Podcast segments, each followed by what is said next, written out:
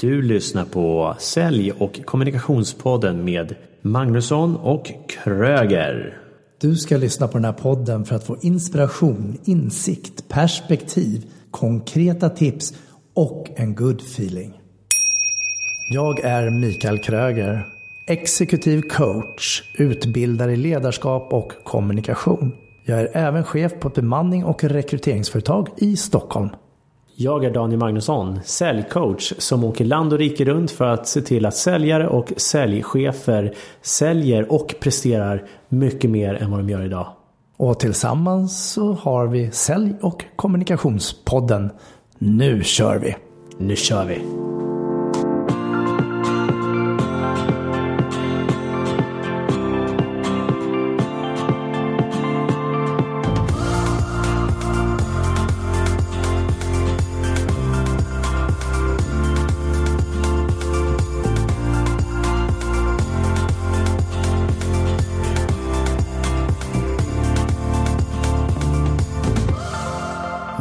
Välkommen till avsnitt 28.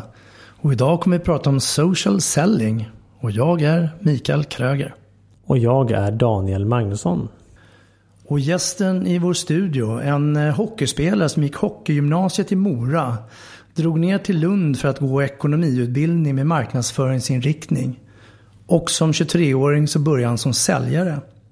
Efter något år så blev han säljchef i Sverige och slutade efter åtta år som försäljningsdirektör för Skandinavien och jobbade med kunder som PWC, Tito, Accenture. Nybliven pappa har precis startat sitt bolag med sin kompanjon. Företaget heter Multipipe, digitaliserad i försäljning. Välkommen Filip Gossi. Tack! Härligt att ha dig här. Ja, kul att vara här. Det är alltid trevligt att träffas. Du sprider alltid en skön energi. Du kommer alltid med ett leende tycker jag. Och eh, social selling. Mm. Vad är det?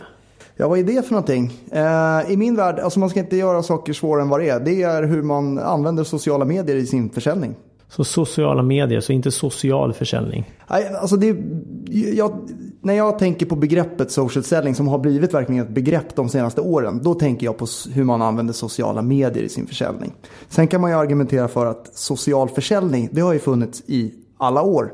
Mm. Tack, för det var det jag tänkte. ja, exakt, det har vi pratat om förut. Äh, men, så, så, att, eh, så att, men i min värld när man pratar begreppet social selling som då liksom, ja, är på mångas, eh, mångas läppar och, och, det finns ett intresse. Eh, då tänker jag på hur man nyttjar sociala medier i sitt försäljningsarbete. Ja. Och vilka sociala medier jobbar du med? Främst så jobbar jag och min kollega Thomas på Multipipe. Vi, alltså det, när vi utbildar bolag så är det primärt LinkedIn som vi utbildar i. Och anledningen till det, det är för att vi tycker att den är den bästa kanalen när man ska driva försäljning. Eh, kan man sen använda Twitter, Instagram, Snapchat, Facebook ovanpå det, då är det jättebra. Eh, men om man liksom ska driva försäljning så, så bör man vara i alla fall väldigt duktig på LinkedIn för att lyckas. Och vad är det som gör att LinkedIn är bättre där? Ja men dels är ju folk beredda på ett helt annat sätt. Än, alltså upplever jag det i alla fall då. Det är ju mina egna reflektioner. Men man är beredd på ett annat sätt eh, att få liksom kontakt. Och man finns där för att liksom bygga sitt affärsmässiga nätverk. Eh, det är många som resonerar på Facebook, på Instagram kanske inte riktigt på Twitter, men, men på, på, på Instagram och Facebook vill man vara mer privat så att säga. Och det tycker jag är helt fine, det kan man få vara. Men på LinkedIn då är man liksom i sin yrkesroll eh, och man bygger sitt, eh, sitt eh, affärsnätverk. Eh, så därför tycker vi att det är den bästa kanalen. Där ser man ju tydligt vad personen har gjort innan, vem den personen är connectad med som jag är connectad med. Ehm, så det finns liksom mer relevant information utifrån ett säljperspektiv på LinkedIn än vad det gör på andra sociala medier. Ja, jag har tänkt på det. På Facebook så kan man ju se folk som har då ja, titeln eller jobbade senast på. Mm. Står oftast inte vad de jobbar med just nu faktiskt. Jag menar, eh, det, alltså Facebook är ju, det är många nyttjar ju Facebook också. Och som jag säger, man, alltså, ju fler kanaler man nyttjar desto, desto bättre. Sen är det liksom så här, det går ju en gräns för hur många kanaler man orkar eh, liksom bearbeta i på samma gång. Um, men, men jag tycker inte Facebook erhåller den informationen som jag vill ha. Liksom. Vad, vilket, vilken roll har du på det här bolaget? Det vill jag veta i min prospektering till exempel. Uh, jag tycker inte att jag har fått fram det på Facebook på samma sätt. Vilken sorts information är du ute efter och tycker du är viktig när det gäller just social selling? Ja, men det som jag är intresserad av att veta det är ju liksom så här. Ja, eh, vem är personen connectad med som jag är connectad med? Alltså kontakters kontakter. Eh, vad har personen för titel på sitt bolag? Eh, vad har personen gjort tidigare? Sån information är ju viktig när man jobbar med prospektering och när man ska liksom proaktivt ta kontakt med någon det är information som jag kan nyttja antingen om det är i telefonsamtalet, om det är mejlet jag skickar eller om det är på mötet jag ska gå på så nyttjar jag den informationen i mitt small talk, i min mötesbokningspitch och så vidare. Mm. Hur fick ni idén till att starta Multipipe? Vi sa det jag och Thomas att det vore kul att göra någonting. Han jobbade också då på, på Management Events där jag jobbade tidigare. Eh, och eh, vi jobbade väldigt bra ihop. Vi jobbade tillsammans i, i eh, ja, fem år blev det till slut. Eh, och han hade eh, liksom hoppat av och startat eget innan. Det gick väldigt bra för honom. Eh, så då, ja, men då, då kände vi så här, men låt oss slå våra påsar ihop. Och då startade vi Multipipe i, ja, för ungefär ett år sedan midsommar förra året. Då avslutade jag min anställning och eh, kickoffen var i Alm, på Almedalsveckan förra året. Så då drog vi igång. Så det var mer liksom, och, det vi gör nu, det var, liksom, det var inte det vi hade tanken på från början. Vi hade någon tanke på att vi skulle jobba med marknadsföringsfrågor, marketing automation. Vi skulle koppla till oss 20 leverantörer som vi skulle sälja. Det var, som ni hör, väldigt flummigt. Eh, nu har vi kokat ner det där till, till att att eh, utbilda i hur man lyckas använda sociala medier i sin försäljning. För det är försäljning, det är det vi kan och det är det vi brinner för. Så att, eh, men man lär sig. Bara nyfiken så här tillbaks. Du var ju på väg att bli hockeyproffs då. Efter hockeygymnasiet i Mora eller? Ja, men alla, alla som börjar på ett hockeygymnasium är vill, det, så är det ju. Man, man spelar liksom TV, Sverigepucken, TV-pucken, man är med i regionslagen och sen börjar man på på hockeygymnasium och då är, går man precis i de tankarna. Exakt, alla ska bli hockeyproffs. Utmaningen är bara att det är alla. Som, alla ska ju bli det så att säga. Eh, det var några där som, som spelade i, i alla fall i elitserien, någon i NHL också, som jag, som jag gick med eh, samtidigt. Då. Men jag gick tyvärr inte den banan. Jag kanske ska vara glad för det nu. Den karriären är rätt kort. Eh, det vi håller på med nu kan man ju liksom jobba med under lite längre, längre tid. Då. Mindre skador det du gör nu ja, tänker jag. Det också absolut. Men vad fick dig, och jag menar som driven säljare, du jobbade åtta år på det företaget du var anställd på där du slutade som försäljningschef för Norden eller försäljningsdirektör. Vad, vad gjorde egentligen där? För du hade en bra resa. Vad gör att du tar steget ut? Hur tänkte du just då? Nej, men jag kände liksom att jag, jag har jobbat på bolaget i åtta år, älskar bolaget, jättefint bolag, jätte, jättebra produkt eh, eller tjänst. Och, eh, ja, men, men jag kände liksom att jag har gjort det här. Eh, jag hade liksom 25 säljare i mitt team vid, vid tillfället. Eller alltså totalt i min försäljningsorganisation. Jag hade ju eh, lite chef, chefer under mig också. Eh, men kände liksom att ja, men, jag hade ställt samma frågor på anställningsintervjuerna i fem år. Eh, jag, jag, det var samma problem. Det är alltid lite försäljning i april. Men jag hade liksom gjort, eh, jag hade gjort den resan. Eh, och liksom kände att nästa steg hade varit, jag reste också väldigt mycket på slutet. Det var en och en halv, arbets, eller en och en halv dag i veckan eh, restid. Vilket jag i och för sig tyckte var väldigt kul. Eh, men sen, som sagt, jag skulle liksom, vi hade planerat att gifta oss och, och, och få barn och sådär. Så att, eh, ja, jag kände att det var liksom så här, ja, men jag, jag har gjort det nu vill jag göra något nytt. En ny utmaning. Alltså som säljare vill man ju hela tiden utmanas också.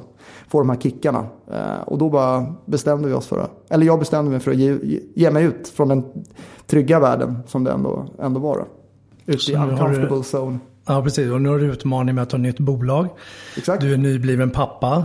Yes, det... vad, vad, blir det för förändringar för dig nu då? Ja, nej, men man märker ju liksom att man, eh, man hinner inte med när man kommer hem. Det är inte så att man plockar upp datorn och, och liksom börjar svara på mail och sådär. Det får man sköta på arbetstid nu för tiden.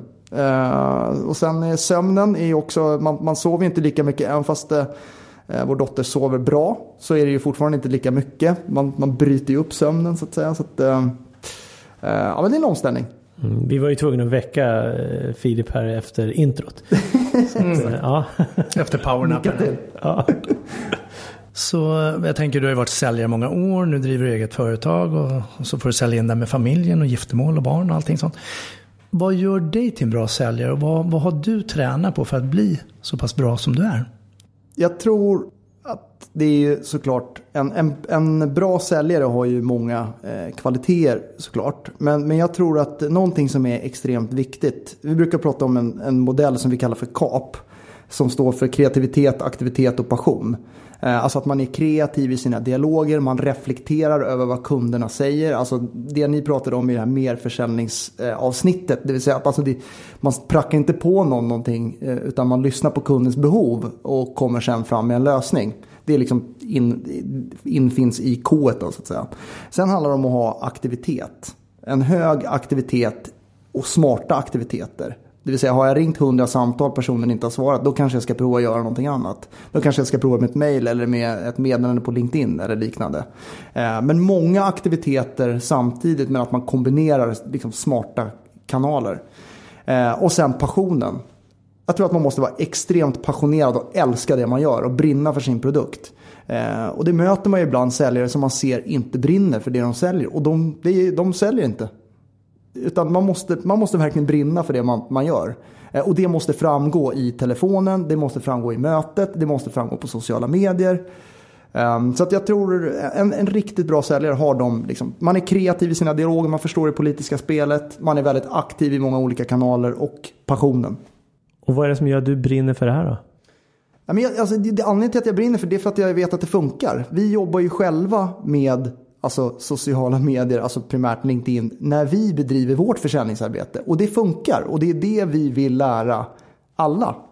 Så ni lever som ni lär? Ja, det, det skulle jag säga att vi gör. Ja. Vad gör du när du har en dålig dag? Då rycker jag upp mig.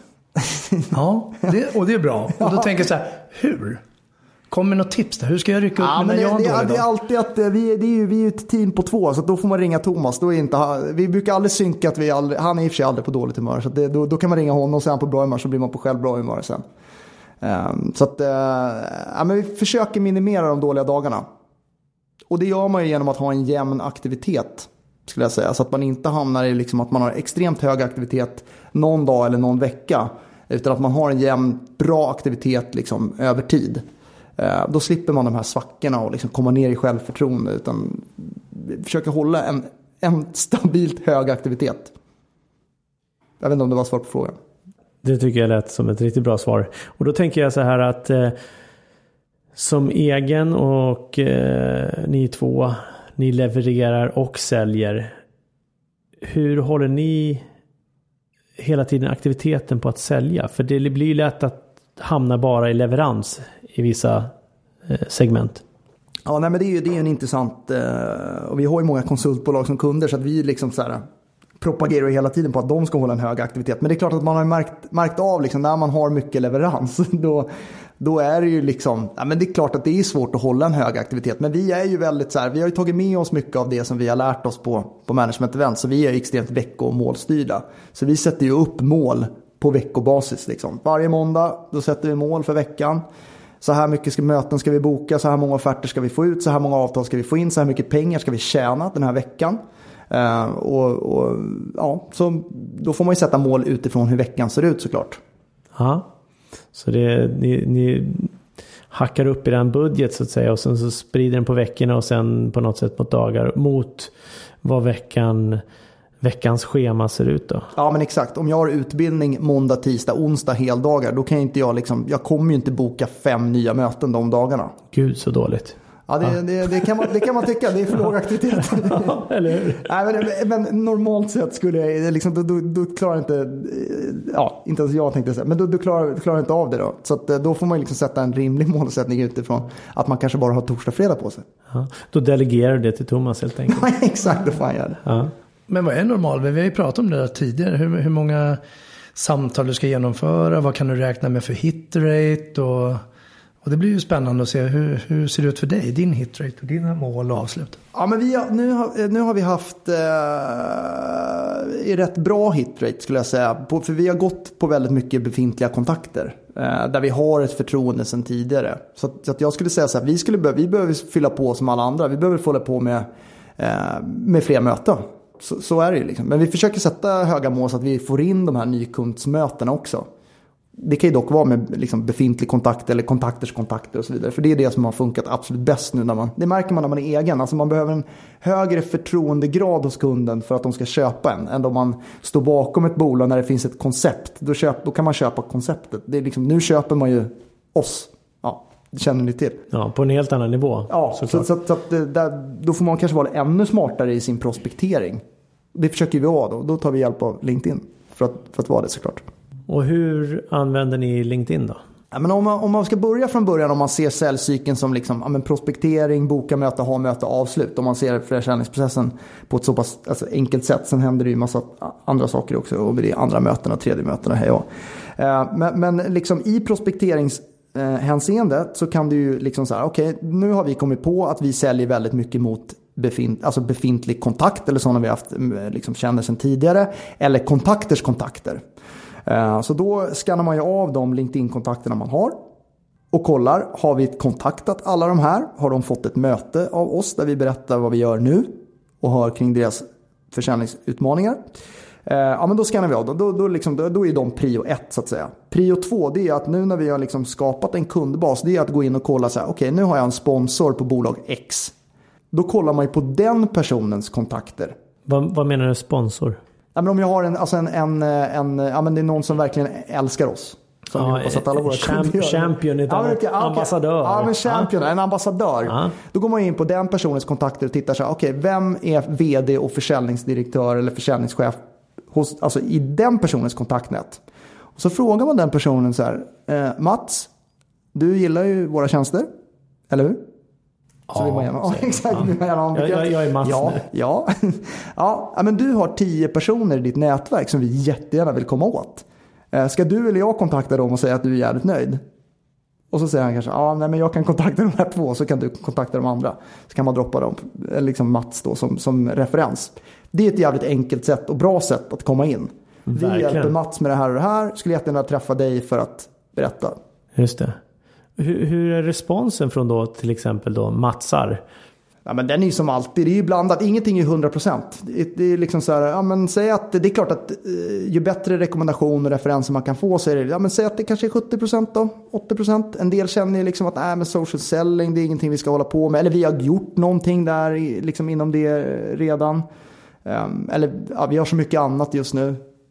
Ja, responsen ju, blir ju oftast väldigt bra när du ringer som du säger när du har en referens. Men jag tänkte hur blir responsen från eh, en person som då Mats? Mm. Jag försökte vara lite lustig och säga Matsar där. alltså, ja, okay. ja. ja, men det gäller att känna personen då. Så att, så att det liksom, ja, men det, de brukar ofta bli glada att, de, liksom, att man kan. De vill ju gärna hjälpa en om de gillar en. Det har, har vi eh, sett. Ja, och det är det som är nyckeln många gånger. De vill hjälpa. Alltså det, det, för det, det kan ju finnas oftast ett motstånd att be om hjälp hos mm, människor. Mm, absolut. Och det är ju precis det ni går emot. Ni ber ju om hjälp. Ja, absolut. Och folk vill ju hjälpa. Och speciellt när man är liksom egen och man har fått den personliga relationen. Då vill folk gillar det. Ja, det är bra. Och vi behöver fråga om hjälp mer, skulle jag säga. Absolut. Men jag tänker också att det finns en omognad i användningen av social selling. Eller ordet, mm. begreppet finns ju som en, som en popularitetsbegrepp nu. Men, men du lär ju stöta på en hel del företag och människor som du sa här, som säger de har inte tid eller mm. de har inte gjort det tidigare. Och någonstans, hur får du dem intresserade? För jag tänker det blir ett lärande för att sedan gå en utbildning för att mm, kunna använda. Mm. Alltså det är flera led. Mm, nej men absolut, men det är som alltid, alltså del, vi rider lite grann på vågen att det är liksom många pratar om social selling och, och, och liksom senare delen av 2015, kanske hela 2015, många pratar om det. LinkedIn ligger ju på rätt mycket själva. De har en del roadshow-evenemang och sådana saker. Det, den vågen rider vi på, det är ju klockrent för oss. Um, men, men, men det är ju som med frågor liksom. Så att man försöker få till mötet, eh, antingen boka det som kanske traditionellt via telefon eller så kan man skicka ett meddelande via LinkedIn. Helst kombinerar man eh, de olika kanalerna. Eh, men, men sen är det ju frågor liksom. Märker du också att ditt försäljningsteam har lite svårare att boka möten nu än vad de hade för två år sedan? Märker du också att beslutsfattarna inte längre svarar lika mycket i telefonen? Ja, det är ju ett nytt det, det märker du ja, precis. Ja. Ja, Okej, okay, ja, hur har du tänkt att du ska lösa det problemet åt ditt säljteam?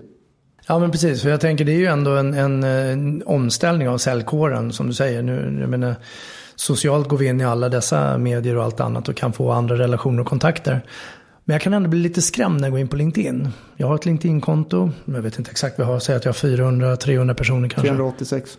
Ja, tack. Du hade kollat dem med andra ord.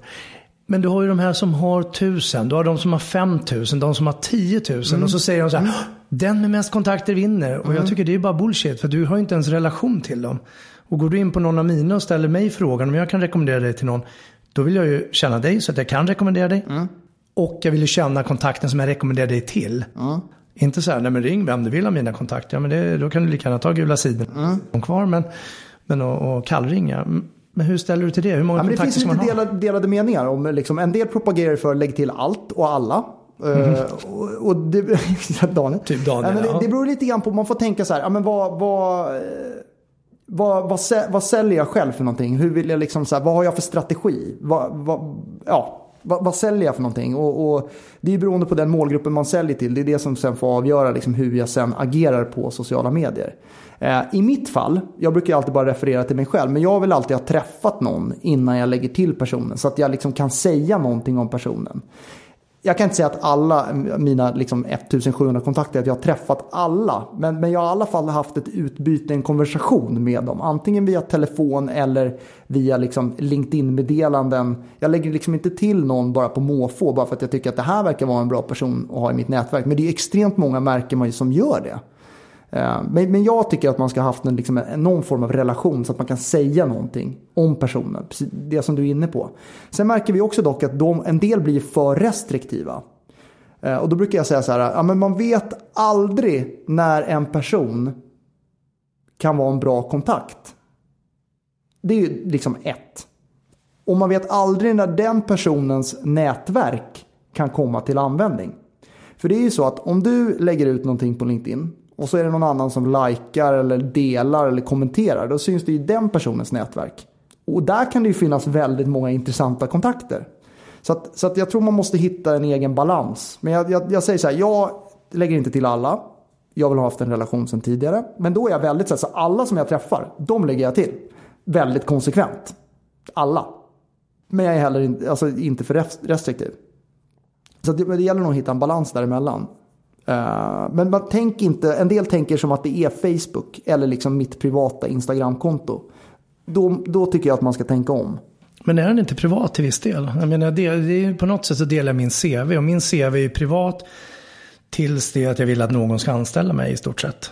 Ja, å andra sidan så här, det beror på, om, om, du, om vi nu ska prata social selling, då ska du ha det här verktyget för att du ska sälja. Och, och för att du ska kunna göra det så måste du dela med dig av dig själv. Eh, och om du inte gör det då kan du heller inte tro att du ska få någonting. Um, så, så det handlar om att ge för att få? Ja men verkligen.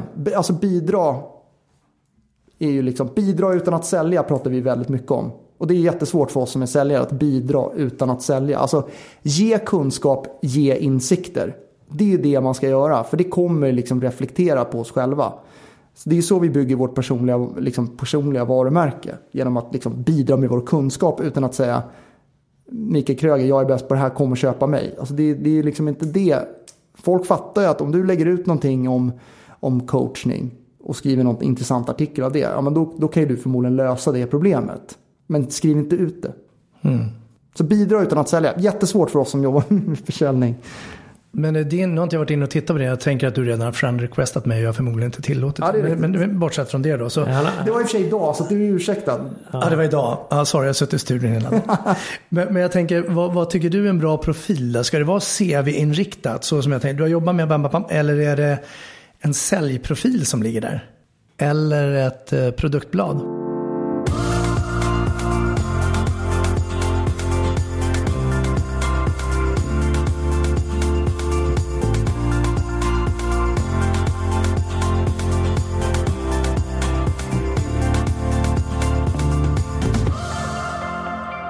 Alltså det, det som du ska tänka på när du utformar din profil, det är att det tydligt ska framgå vad kan du hjälpa dina kunder med? Om du besvarar den frågan så kommer det inte vara ett produktblad förhoppningsvis och det kommer heller inte vara bara ett CV. Utan du beskriver ja, men vad du faktiskt hjälper dina kunder med. Ja, men du hjälper dem att nå sin nästa nivå inom det här. Eller du hjälper dina kunder att öka din försäljning. Eh, och det ska tydligt framgå, både i då headlinen och det är den som är liksom bredvid din bild. Där har man ju vanligtvis sin titel eh, och sitt bolagsnamn. Det i mina eh, liksom, ögon säger ingenting om vad du kan hjälpa mig med. Att du är vd på bolag X, det, det, liksom, det säger ju ingenting. Eh, utan skriv istället liksom, ah, men vad, kan, vad kan jag hjälpa, vad hjälper jag mina kunder med? Besvara den frågan i profilen. Så du sågade just min profil alltså? Eh, du skulle kunna utveckla det. Bra, tack. För att besvara frågan. Underbart och, och lite grann det här, nu, nu har jag läst lite grann, men, men så här, 30 års erfarenhet inom det här och det här. Ah, inte det, utan mer så här, vad hjälper jag mina kunder med? Så får folk förstå själva att du är grym. Nu står det inte 30 års erfarenhet på min profil eftersom jag är 29. Exakt. Tack. Då går vi vidare till åldermannen Daniel. Cold calling is dead. Mm. Sägs det. Mm. Är det dött? Enligt social selling. Alltså går det att använda social selling istället för cold calling? Ja, nej, men jag, jag, jag älskar, älskar frågan. Jag, och det har ju debatterats. Under 2015 var ju året där det dök upp på Eh, speciellt på sociala medier såklart då, liksom cold calling is dead. Cold calling is dead. och eh, de, som, eh, de som skriver det, det är ju de som aldrig har ringt ett kallt samtal i hela sitt liv. Då fick ju de vatten på sin kvarn här 2015, skitbra. Det är dött med kalla samtal. Eh, marketing automation-bolagen, alla de, de, säger att cold calling is dead, man ska inte ringa kallt längre. Eh, och, Market automation, kan du förklara det? Har vi inte gjort det i ett annat avsnitt? Det vet jag inte. Ja, men Kanske hur man automatiserar sin marknadsföringsfunnel. Ja, man, hur man skapar leads via webben. Ja. Med, med mail och nyhetsbrev och sociala mm. medier. Och sådär. Bra. Automatiserat. Då är alla med på tåget. Yes, kanon. Eh, och sen så är det LinkedIn själva som de också eh, påstår liksom att ja, men cold calling is dead. Eh, ja, Dåliga samtal har ju alltid varit dött, så de är ju fortfarande döda. Bra samtal funkar absolut fortfarande. Eh, men sen är det ju så att i och med att vi kan ha sociala medier till hjälp så kan vi göra de kanske kalla samtalen lite varmare. Kan man liksom skicka ett meddelande via LinkedIn innan man tar kontakt? Kan man liksom närma sig den här personen genom att liksom via de verktygen som LinkedIn har som Sales Navigator till exempel liksom likea eller kommentera det som den här personen som jag vill ta kontakt med liksom har gjort så, så kan vi göra de kalla samtalen varmare. Och vad är ett bra och ett dåligt kallt samtal? Alltså ett dåligt kallt samtal det är när man inte är tydlig. Och inte, liksom, dels är man inte tydlig i sin pitch, man har en dålig röst, man har dåligt självförtroende. Det skulle jag säga är ett, ett kallt samtal. Man går inte på avslut, man är inte tydlig med vad man vill. Ett bra samtal är liksom där man är tydlig med vad man vill, vad kan jag erbjuda. Självklart ställa någon fråga så att man förstår om kunden har ett behov inom området och sen tydligt liksom ja, men, vad är syftet med samtalet? Jo, det är att boka möte. Att det ska framgå. Det framgår ju inte när en del ringer. Vad vill, vad vill du? Får man ju fråga själv. Ja, jag vill eh, boka möte. Framgår då liksom. Så, ja, men kunde du inte sagt det från början? Då kunde jag utvärderat samtalet utifrån det. Nu är det kört. Mm. Så det du säger nu egentligen är att Social selling det är ett komplement till det som vi redan håller på med i försäljning med, med, om det nu är kalla samtal då, och nyhetsbrev och alla de yes. bitarna. Plus eh, då social eller i det här fallet Exakt, och man ska fort, nu, nu kanske bara som en missförstånd, man ska ju fortfarande jobba med marketing automation. Alla de här grejerna måste man jobba med. Men det är kombinationen av de olika kanalerna, det som kommer att avgöra framgången. Telefonarbetet kommer man fortsatt behöva göra. Kanske kan man göra det lite smartare. Eh, man behöver bli bättre på social selling för att få bästa möjliga utväxling i sin försäljning. Så det är liksom kombinationen. Så att man kan inte utesluta och säga så här, nej nu ska vi ta bort telefonen. Det går inte att ringa längre, ingen svarar i telefonen det är skitbra för oss som fortfarande ringer för då kanske liksom, då får vi bättre gehör när vi ringer. Då, så att säga. så att gör, gör det, sluta ringa så ringer vi som, som kan och vill. Och så sitter han och gnuggar händerna, det är helt underbart. Såg dollartecknen där. Ja exakt, men i kombinationen då. Så att det ena liksom funkar inte utan det andra. Så det går inte bara liksom bara, nu är jag mästare på social selling. Det kommer liksom inte, du måste plocka upp telefonen och ringa någon gång. Eller skicka sms eller mail. Men vad gör med de här företagen som, ja, om jag säger så här, de som är trångsynta då? De som tror att eh, Facebook, LinkedIn och alla, alla sociala medier tar så mycket tid mm. från arbetet. Eh, och vissa sitter ju mm. säkerligen mm. och uppdaterar mycket på Facebook. Mm. Mm. Men när man jobbar med det här så säger nej men det där har vi inte tid med. Nu behöver vi ringa ännu mer. Ja, exakt. Vad säger du till de företagen? Nej men då har man ju liksom inte, då har man inte, jag, jag kan säga att jag själv lite grann var den, kanske säljchefen som liksom, ja men nu, fan jag hör inte att ni ringer liksom, ring mer. Eh, men, men har liksom med de, på de senaste åren blivit lite smartare förhoppningsvis. Eh, och liksom förstått det. Men det är, det är ju kombinationen. Och man måste låta sina säljare vara kreativa. Om säljaren tror liksom att ah, men jag, jag, jag skissar på det här in-mailet, det får inte ta för lång tid såklart. Det kan inte ta, liksom, man kan inte hålla på och skissa på sådana grejer en timme. Men, men, liksom så, ah, men nu tror jag att jag ska skicka ett mail via LinkedIn istället för att ringa. Ah, men om den säljaren tror att det är den bästa lösningen, låt den testa det då. Så man kan liksom inte bara säga mata samtal, mata samtal. Man måste kanske vara lite smartare i sina aktiviteter. Men jag tror så här, de som säger att ja, men det tar tid. Då har man inte förstått att den här tiden jag lägger ner här, den kommer driva försäljning. Då kommer jag få bättre utväxling än om jag inte lägger tid på det. Det är det man inte har förstått och det är det vi försöker liksom få folk att förstå. Det är ju, det är, det är ju en utmaning såklart. Det blir en hävstång helt enkelt. Ja, det tar lite tid ta, i början sen så slår så måste det över du ta lite av den där ringtiden då, som gör ont i en del säljchefer. Du måste ta bort lite av den och låta säljarna vara lite mer kreativa och göra andra saker. Maila, vara på LinkedIn, Facebook, kanske Twitter. Nätverk. Instagram, nätverk, exakt, absolut. Det är liksom kombinationen av alla kanaler är ju nyckeln till framgång. Så allt vi talar om är egentligen mellanmänskliga möten antingen via nätet eller in real life. Exakt. Mm.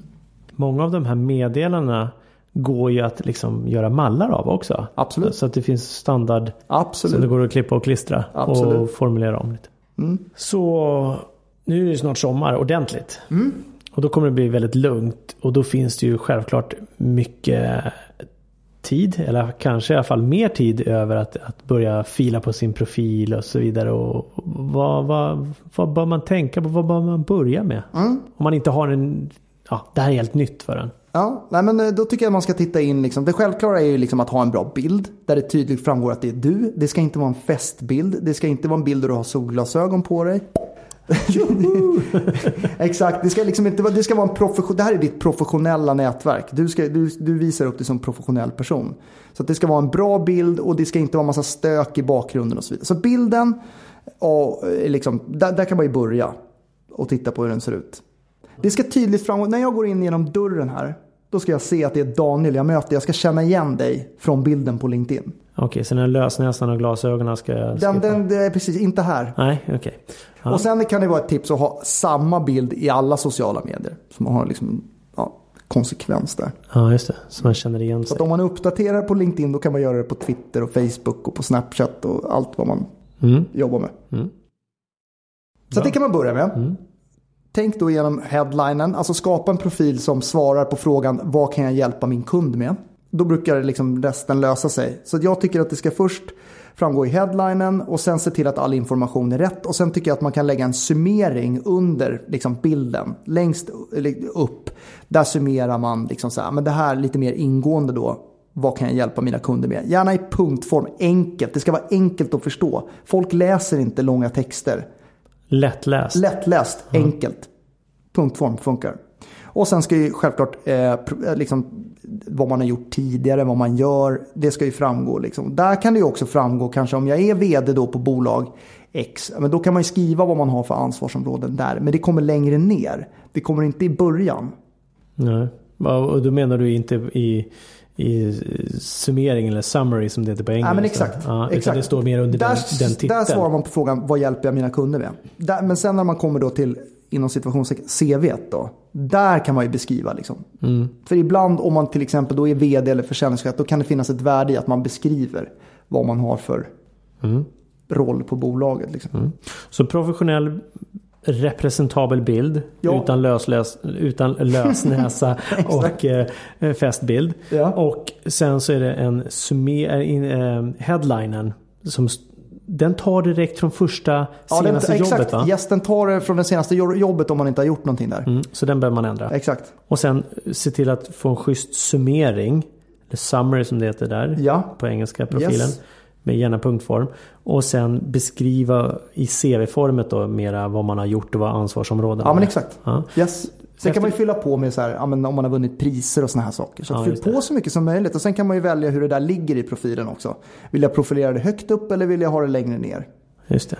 Um, och sen, eh, det, just det, det glömde vi säga, men det, det, ska vi säga så här. Innan man börjar gå in och rodda i sin profil så, så, ska man klicka i den här knappen Notify your network no. Så att inte liksom alla, så att det inte syns i flödet för alla att du håller på att uppdatera din profil. Mm. Och nu är det mycket engelska termer här. Ja, vi blandar lite. Ja. Vad rekommenderar du? Engelska eller svenska profilen? Jag brukar säga så här att du, din målgrupp, vart, vart, liksom, vart, vart hittar du kunder någonstans?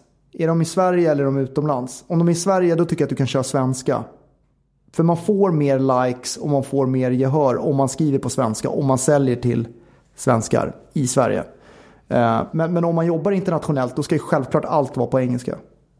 Ja, och sen eh, tänker jag så här som det kan vara värt att tänka på. Jag hade en engelsk profil. Mm. Sen så tänkte jag, ah, okej okay, men nu ska jag ha en svensk. Mm. Så jag ändrade hon den till svensk. Sen så gjorde jag inte någonting och började fylla i eh, mitt, den CV-delen. Jag fyllde inte i något med svensk text.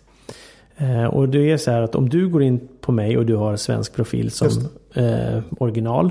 Då ser du min svenska profil. Just det. Vilket gjorde att du såg inte att jag hade fyllt i någonting. Nej, precis. Så det, det gäller att tänka på också. Om du har en man kan svensk köra profil. Två, exakt, man kan köra två profiler, exakt. Det, ja. det lättaste är väl att köra en.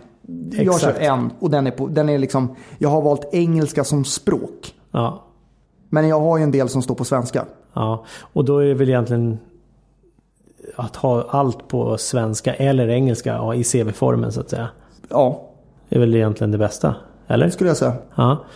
Det är en annan fördel också med är ju att man, ja, man får en till funktion om man har engelska. Då ja, kan man precis. Det, public det, a post eller yes. lägga upp en artikel eller vad ska man säga? Ja exakt, publish a post heter det på engelska. Men det jag skulle säga liksom en, som en bloggartikel eller lägga upp en artikel. Ja. Den finns ju inte om man kör en svenska. Nej. Vad är syftet med den då? Ja, men det, alltså, det som händer när du, skillnaden mellan share and update, nu blir det så mycket svenska och engelska, men med share and update eller en, en uppdatering dela, eller dela en bild eh, kontra publish a post. Det är ju att när du publish a post då blir det mer en, en, en, i bloggform då så att säga.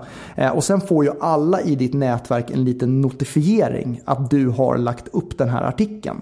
Vilket gör att du får mycket mer views på nu blev det också ett engelskt ord, views. Men, men du får mycket mer tittningar eller views då på om du liksom publish a post. För då ringer det ju till. Jag har ju en notifiering på telefonen. Så när du till exempel eh, publicerar en post då får jag ett pling i min telefon och så vidare. Så alla får det i nätverket? Ja. Om man inte har aktivt valt att man inte vill ha pop-ups eller mail. Uh Eller liksom notifiering. Wow, det blir en väldigt stor genomslagskraft. Det blir det, för det, det, är väldigt lätt att missa. Alltså det händer ju rätt mycket i flödet. Så det blir väldigt lätt att missa om man bara liksom share en update eller bara en bild. Um, så det, det, det, skulle jag rekommendera. Om man, och då brukar jag säga så här. När man publicerar en post, då ska man ha skrivit det själv. Alltså det är någonting som du själv har skrivit. När någon annan har skrivit, till exempel om, om Mikael, du har skrivit en jättebra artikel som jag vill dela med mig av till mitt nätverk. Då delar jag den som en uppdatering. För jag har inte skrivit den själv. Då är det liksom share an update eh, och så kan jag liksom skriva någon kommentar uppe på det. För att liksom, ja, bidra. Ge liksom, din reflektion. Ja men exakt, och bygga mitt, mitt personliga varumärke uppe på. Eh, men, men, men eh, så publisher post det ska vara när man har skrivit den själv. Så där hör du som lyssnare när du ska nu dela något av våra inlägg. Så eh, publicera den och skriv gärna någon notering, dina egna reflektioner kring den. Mm. Ja, men varför var det här avsnittet bra? Precis. Ja, det var bra därför att, eller ger tips på det här. Um, så, att, så att försök att inte dela egentligen någonting utan att lägga din personliga touch på det. Det som jag tycker också är det fina med public, publish, publish Publisher post. Ja, publisher post. Är just att där kan man ju se statistik. Hur många har gillat, hur många mm. har tittat, hur många eh, vilka har tittat och så vidare. Och Exakt. Det är ju, går jag igång på. Exakt. För det, det är det vi brukar säga. Det finns skitmånga som, eh, som, som är duktiga på att skriva. Och, och skriver jättemycket saker, får många likes och, och liksom delningar och så vidare. Men vad händer sen då? Man tar ju inte tillvara på det. Alltså man måste ju ta tillvara på det som man har skrivit. Så när jag har skrivit någonting, ja men då följer jag ju upp det. För några, liksom ett tag sedan så la jag upp en video som beskrev den här kapmodellen. Eh, en, en filmsnutt på en minut. Ja men då la jag ut den. Eh, och då fick jag 84 likes. Då tittar jag på vilka likes jag har fått. Och upptäcker då att ja, men 10 av de här personerna känner inte jag. Och det är vd eller säljchefer på en del bolag. Ja men då tar jag kontakt med dem. Då skriver jag ett meddelande. Tack så jättemycket för din like. Ser du också en utmaning i att dina säljare inte är tillräckligt kreativa? Får jag möten i 100% av fallen? Nej. 50% av fallen? Ja. Så den texten gav ju liksom fem möten. Vart det någon direkt fråga efter ett möte i ditt mail? I, i ditt första korrespondens med dem? Nej, det, blir, det brukar bli, eller så, så brukar bli för mig i alla fall, att det är så här, tack så jättemycket för din like. Ser du också en utmaning att dina säljare inte är tillräckligt liksom, kreativa? Frågetecken. Eh, frågetecken. Uh-huh. Och så då får jag svar, inte alla gånger, men ibland, ja, ah, nej, men det är, vi, vi gör liksom utmaningar. Och så kanske man ställer en fråga, så, ah, hur jobbar ni med social selling? Ja, ah, nej, vi, vi måste bli bättre på det. Ja, då blir det rätt lätt att liksom så här, ska vi ta ett möte och liksom prata vidare om det? Mm. Så det är fortfarande en liten öppen fråga, eller en stängd fråga till honom då, eller henne? Det är inte så här, ja men vad bra, ska vi ses då eller då? Alltså för jag vill ju ändå ha någon form av inriktning på mötet så att det blir liksom, ja. att det blir hyfsat mm. insnävt sådär. Mm. Bra. Mm. Så om vi skulle ta och summera ihop det här äh, avsnittet som vi, jag tycker varit riktigt bra. Det är ett intressant ämne. Det är ett ämne som växer otroligt mycket. Och det finns otroligt mycket att eh, utveckla i säljorganisationerna när det gäller det här. Så det vi har tittat på är ju KAP-modellen. Mm. Och det var ju Kreativitet, aktivitet, passion. Ja, och passion är ju ett Det är verkligen A och O skulle jag säga. Och sen så gällde det då när det gällde den egna profilen att verkligen ha ett professionellt foto, jobba med någonting i rubriken om vad du hjälper kunden med, ha en summering med punktform, eh, utveckla din CV-del där du också trycker mycket på vad du har gjort och vilka ansvarsområden och så vidare. Som mm. En rekommendation också. Alltså ju fler rekommendationer man har desto bättre också. Ja, just det. Det, det men, men det är också jättebra om man kan smycka ut sin profil med lite rekommendationer på sådana som kan liksom berätta att man är duktig.